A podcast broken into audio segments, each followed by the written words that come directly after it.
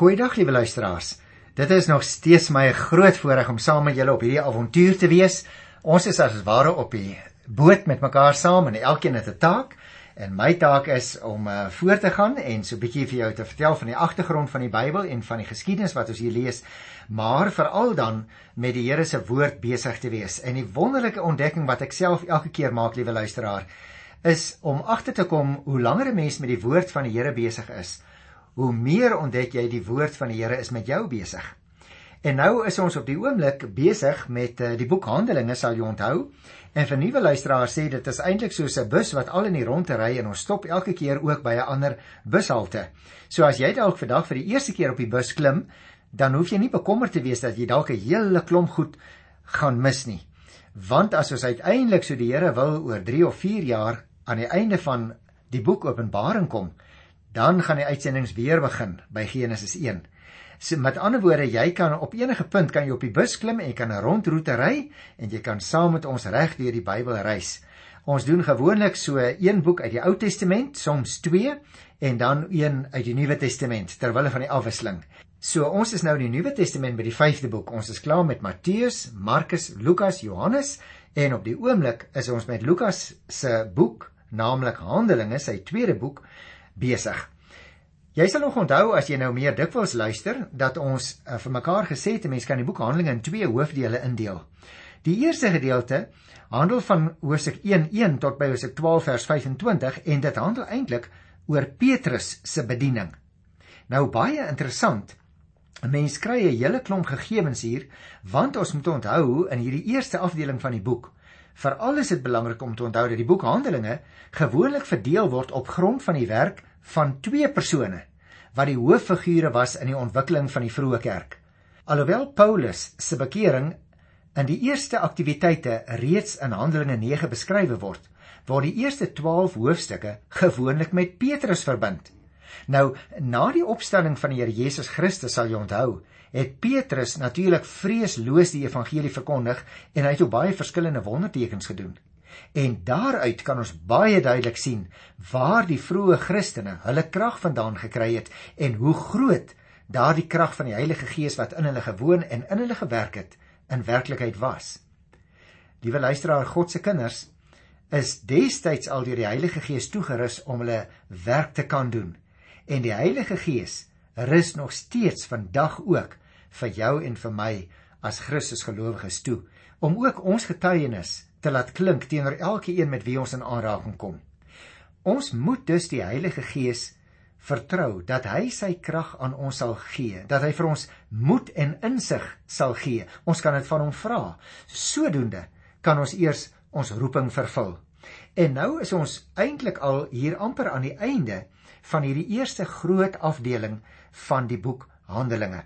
Ek wil dan vandag begin met die 11de hoofstuk en ek gaan net die eerste 18 verse uh so bietjie met jou bespreek want jy sien die opskrif in die Afrikaanse Bybel is Petrus verantwoord hom voor die gemeente in Jerusalem. Jy sal onthou in die vorige programme hy het nou uh, al eintlik daar in Palestina rond 'n hele klomp sendingwerk gedoen. Hy was getrouer in sy getuienistaak wat die Here vir hom gegee het.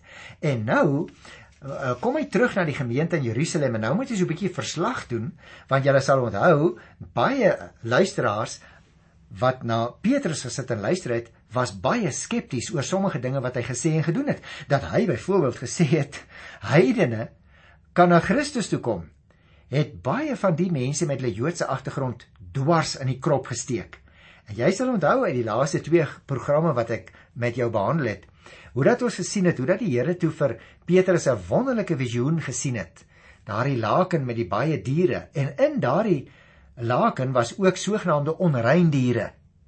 En toe moes Petrus leer alles wat die Here gemaak het is eintlik rein. Dit is maar mense wat in hulle godsdienstige besig wees begin besluit het sekere goed is onrein en sekere mense en sekere diere is onrein.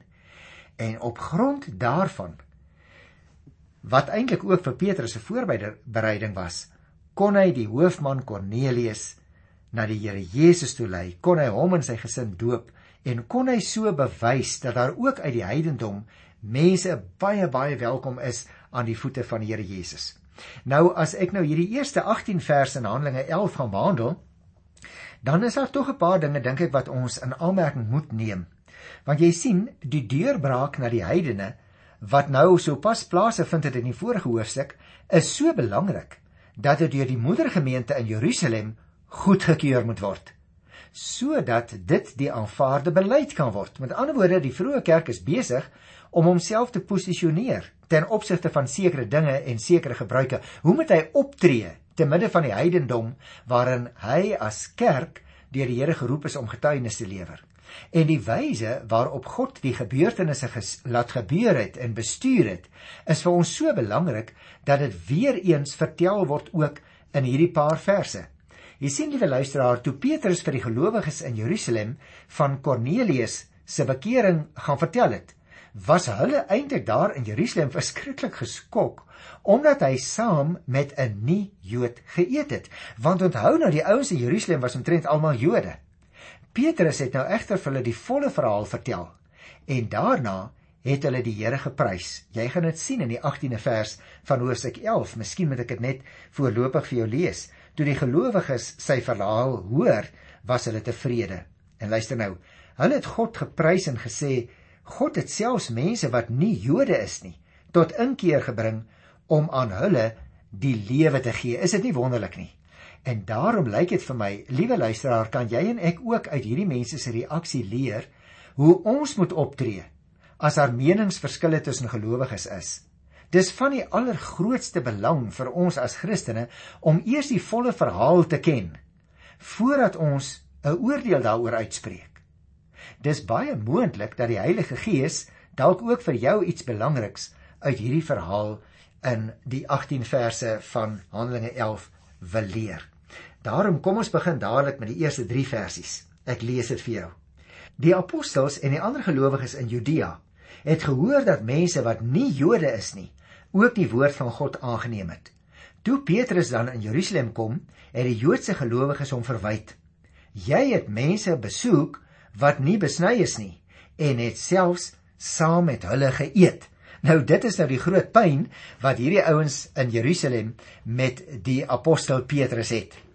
Ons moet onthou, liewe luisteraar, die apostels, soos ons hier lees in die eerste 3 verse, en die moedergemeente in Jerusalem, dit is nou daar in Judea, uh, wat in 'n enger sin gebruik word vir die gebied rondom Jerusalem. Nou daardie uh, apostels beklee 'n kontrolerende funksie ten opsigte van wat in die res van die kerk gebeur. En daarom moet daardie apostels ook gaan verslag doen by wat ek dan nou wil noem die moedergemeente in Jerusalem. Al die lede van hierdie gemeente moet ons onthou was besnedenis. En soos 'n mens nou natuurlik te wagte kan wees, maak hulle dadelik beswaar toe hulle nou hoor dat Petrus die Joodse wet verbreek het deur by onbesnede mense tuis te gaan. Ons het daarvan gelees in die vorige hoofstuk Handelinge 10 by vers 48. En toe het ek al vir jou gewys daarop gewys dat Petrus eintlik 'n onaanvaarbare ding doen wat die Joodse tradisie betref, want hy het nie alleen by onbesnedenes gaan tuis gaan nie, maar hy het ook saam met hulle geëet. Ons moet natuurlik ook onthou, liewe luisteraars, die meeste Joodse gelowiges was onder die indruk dat God se verlossingsplan slegs op hulle betrekking gehad het. Omdat die Here sy wet in die eerste plek aan die Jode gegee het. Jy onthou nog Eksodus 19 en 20 vertel vir ons daarvan. Daar was nou 'n groep mense in Jerusalem wat doodgewoon aanvaar het dat die nie-Jode wel gered kon word, maar dat hulle ook verplig was om al die Joodse wette noukeurig na te kom. Hulle moes dus in werklikheid Jode word. Eers tot die Jodendom tot bekering kom voordat hulle kon Christene word en gered word deur die Here Jesus. Nou albei hierdie groepe was natuurlik verkeerd. Want liewe luisteraar, ons moet onthou, God het die Jode uitverkies en sy wette aan hulle gegee in die Ou Testament sodat hulle sy verlossingsboodskap aan alle mense kon uitdra. En dit leer 'n mens deurgangs ook in die Ou Testament. Byvoorbeeld dat ons op verskillende plekke lees die Here het hulle geseën sodat hulle tot seën kon wees vir ander mense. Dink maar net aan Abraham. Die Here seën hom en hy sê vir hom pertinent daar in Genesis 12 tot 15 sodat jy tot seën sal wees vir al die nasies in die wêreld. En dit geld ook vir jou en vir my. Die Here het vir ons as Christus gelowiges uitsonderlik geseën dat ons die evangelie van verlossing kan verkondig en kan uitdra. Met ander woorde, ons moet ook net soos die apostels van wie ons lees in die Nuwe Testamente, veral hier in die boek Handelinge, moet ons die evangelie deel met elke een wat ons uh, tog deur hierdie wêreld kruis en meemaak. Nou, as 'n mens dus kyk na die volgende paar versies, dan kry jy nog meer inligting hieromtrent. Petrus begin nou om hom te verantwoord, né? So ek gaan lees vers 4 tot 14 in Handelinge 11. Petrus het toe vir hulle alles mooi uiteengesit. En nou haal Lukas wat die boek Handelinge skrywe, Petrus se woorde hier aan. Hy sê: Ek was in Joppe besig om te bid toe ek in geestesvervoering 'n gesig gesien het, het Petrus gesê. Ek het iets soos 'n groot doek wat aan sy vier punte neergelaat word uit die hemel sien afkom en dit het tot by my gekom. Toe ek goed daarna kyk, sien ek daarin viervoetige diere van die aarde, wille en kruipende diere en wille voëls. Ek het toe 'n stem gehoor wat vir my sê: "Kom Petrus, slag en eet." Maar ek het geantwoord: "Nooit nie, Here." Ek het nog nooit my mond aan iets gesit wat onrein of onheilig is nie. 'n Tweede keer het ek die stem uit die hemel gehoor, vertel Petrus nou vir hulle daar in Jerusalem. Wat God rein verklaar het, so die stem gesê, mag jy nie onrein ag nie. Dit het 3 keer gebeur en daarna is alles weer in die hemel opgetrek. Terselfdertyd het daar 3 mans wat van Caesarea af na my toe gestuur is, by die huis aangekom waar ons tuis was. Die Gees het vir my gesê dat ek nie moet aarzel om saam met hulle te gaan nie. Ek en hierdie ses broers is toe saam met hulle. En ons het in Cornelius se huis ingegaan. En liewe luisteraars, as ek die teks mag onderbreek, wil ek net my voorstel hoe hierdie Jode, want hulle het 'n Joodse agtergrond gehad, nê, nee, en hulle het nou Christen geword, hoe hulle seker hulle wind uitgeskrik het want hier vertel hierdie apostel Petrus nou nadat hy terugkom Jerusalem vir hulle hoe hy by Kornelius tuis gegaan het en Kornelius was 'n Romeinse heiden. Nou kom ek sit die verhaal voort hier by vers 13. Hy het vir ons vertel hoe hy die engel in sy huis sien staan het wat vir hom gesê het: "Stuur iemand na Joppe toe en laat vir Simon daar haal wat ook Petrus genoem word.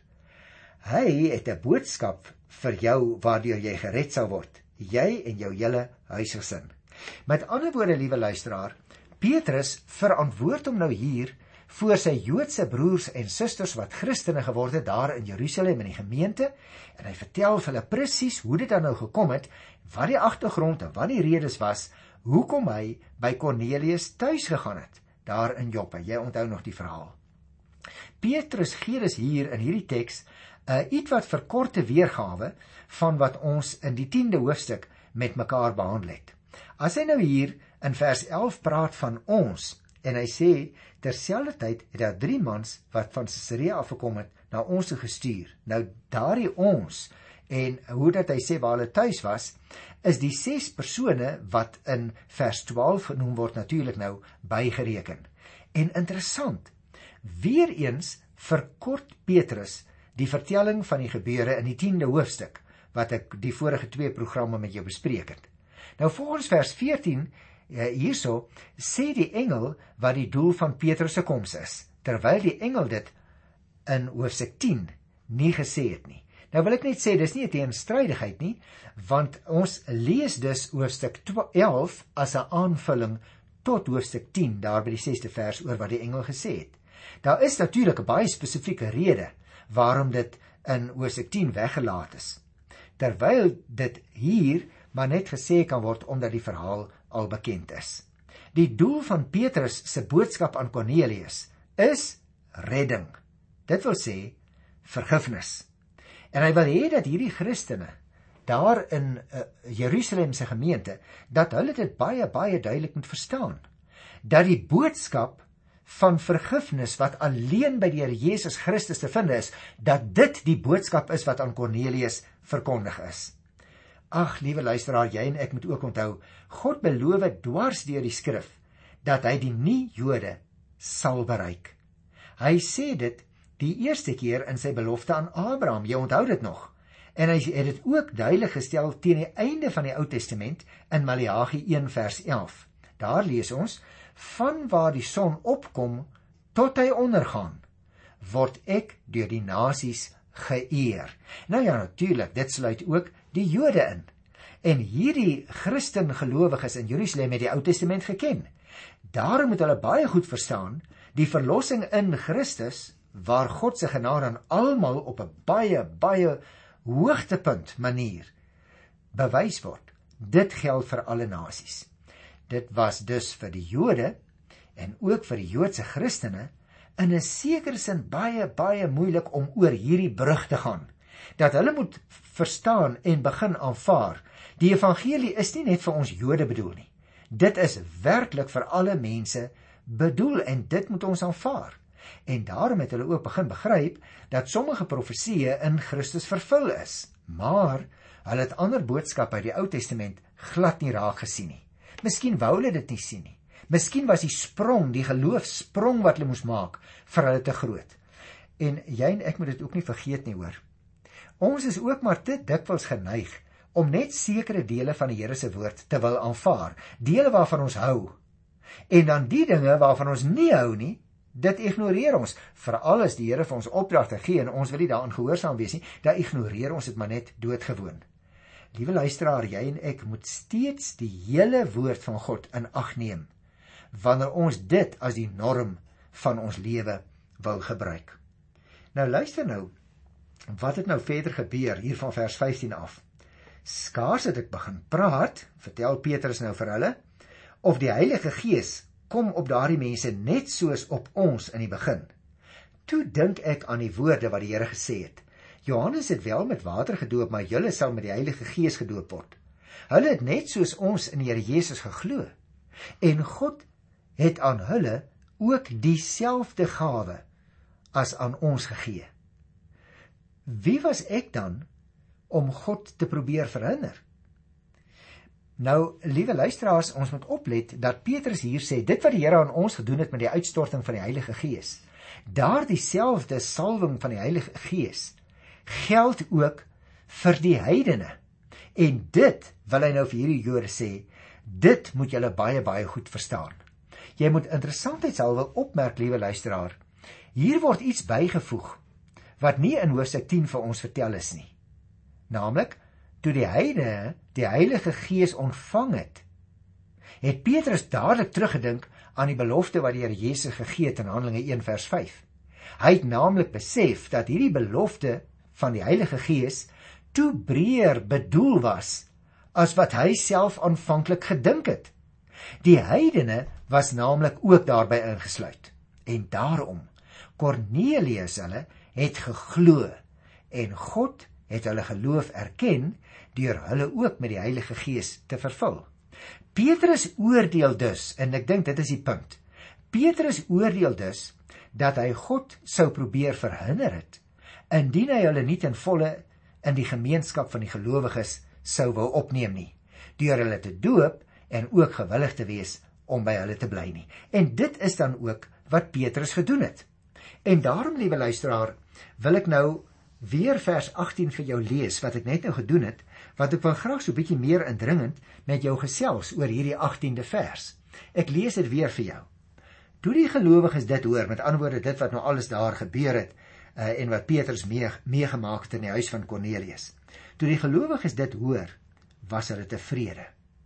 Hulle het God geprys en gesê God het selfs mense wat nie Jode is nie tot inkeer gebring om aan hulle die lewe te gee.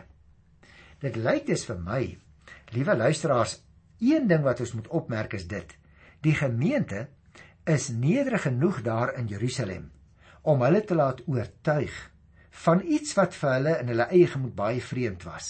En toe hulle dit verstaan, het hulle die Here begin prys dat hy dit ook vir die heidene, dit wil sê mense wat nie Jode is nie, gegee het om weg te draai van hulle sonde. Ons lees daardie mense het ook tot inkeer gekom sodat hulle die ware lewe kan hê. Jy sal onthou ons het dit in die derde hoofstuk ook teëgekom. Toe Petrus vir die mense gesê het ek het nie geld vir daai ou wat by hom gebeur het. Ek het nie geld om vir jou te gee nie, maar dit het ek wat ek vir jou kan gee, die nuwe lewe in Christus. Staan op en loop. Jy kan dit nie eers met geld koop nie. En dit is daardie nuwe lewensmoontlikheid wat nog steeds verkondig moet word. Petrus het homself verdedig natuurlik voor daardie mense in Jerusalem dat hy saam met 'n nie-Jood geëet het. Deur vir die ander gelowiges presies te vertel wat gebeur het daar in Kornelius se huis. Per slot van sake, ek het net vir jou daarop gewys, het Petrus 6 getuies saamgeneem en ook vir hulle aan Jesus se belofte oor die koms van die Heilige Gees herinner. Ons het dit gelees in die 16de vers vertel hy dit vir hierdie mense. Hy sê: "Toe dink ek daar aan die woorde wat die Here gesê het: Johannes het wel met water gedoop, maar julle sal met die Heilige Gees gedoop word." Jy sien liewe luisteraar, die lewens van die nie-Joodse bekeerlinge het radikaal verander. En dit was natuurlik vir Petrus en die ander gelowiges genoeg bewyse. Lewens wat verander is vandag nog steeds ek dink een van die heel belangrikste bewyse van innerlike verandering by mense. Jy sien, 'n mens kan nogal sê ek glo met my hart en ek het hier binnekant verander. maar dan as jy ouers na jou kyk, lewe jy eintlik maar net soos van tevore voort. Daarom gaan dit nie net oor 'n innerlike verandering nie. Dit gaan oor 'n uiterlike lewensverandering wat by Christus gelowiges gesien moet kan word elke dag in ons lewens. As ek dit andersom vir jou mag sê, liewe luisteraar, al die intellektuele vrae en die teologiese besprekings daar in Jerusalem die dag is oombliklik kort geknip toe Petrus hulle vertel het dat die nie-Jode die Heilige Gees ontvang het. En hierdie oomblik lyk vir my was 'n keerpunt vir die jong kerk van die Here Jesus Christus want toe hulle hoor hoe dat daardie mense se lewens verander het en verandering is per slot van sake alleen moontlik deur die werking van die Heilige Gees toe het hulle geglo dat dit van die Here kom. Hulle moes diegene wat God uitverkies het aanvaar. Of hulle nou Jode was of nie. En jy moet onthou liewe luisteraar veral destyds in die tyd van die Nuwe Testament toe hierdie nuwe leer van Christus begin bekend raak het, het die Jode 4 voet daarteen vasgesteek. Hulle wou dit nie aanvaar nie. Hulle wou nie hierdie man uit Nasaret aanvaar as die Messias nie. Hy was vir hulle doodgewoon. Hulle het gedink as die Messias kom gaan hy hulle verlos van die Romeinse owerheid en dit het Jesus nie gedoen nie. Maar nou dat Petrus terugkom nadat hy so bietjie rondgestap het daar in Palestina in stede besoek het en mense se lewens werklik deur God se gees verander is. Toe hulle hierdie getuienis hoor, toe het hulle besef dit kom van die Here. En daarom die Joodse gelowiges was nie almal ewe bly oor die nie-Jode wat tot bekering gekom het nie. En hierdie saak sou nog lank 'n strydpunt bly. Ek gaan dit nog meer kere vir jou uitwys in die programme wat voorlê, veral terwyl ons nog met die boek Handelinge besig gaan wees. Want jy sien, liewe luisteraar, partykeer moet selfs ook jy en ek in ons tyd wat nou al baie beter 'n oorsig en 'n beter insig het in die evangelie, moet ons ook dikwels nog leer wat dit werklik beteken dat die dat die kerk van die Here Jesus moet groei. Jy sal onthou toe ek vir jou die boek Handelinge uh, se inleiding gegee het en so 'n bietjie daaroor gesels het, het ek gesê juis een van die hooftemas wat ons in die boek gaan teekom is die groei van die kerk. Jy sal onthou ek toe al vir jou gesê, die boek Handelinge vertel die verhaal van 'n dinamiese groeiende gemeenskap van gelowiges wat strek vanaf Jerusalem tot uiteindelik in Sirië en Afrika en Asië en Europa. Die evangelie luisteraar is in die eerste eeu van gelowige Jode af uitgedra tot by nie-Jode in tientalle stede en ook later ander lande en eilande en provinsies. En hierdie eerste 18 verse in die boek Handelinge, sy 11de hoofstuk, het vir ons hier 'n baie baie goeie voorbeeld gegee. Kom ek sê dit anders en daarmee wil ek ophou vir vandag. Waar die Heilige Gees werk, liewe luisteraar, daar is beweging en opwinding en groei. Hoekom?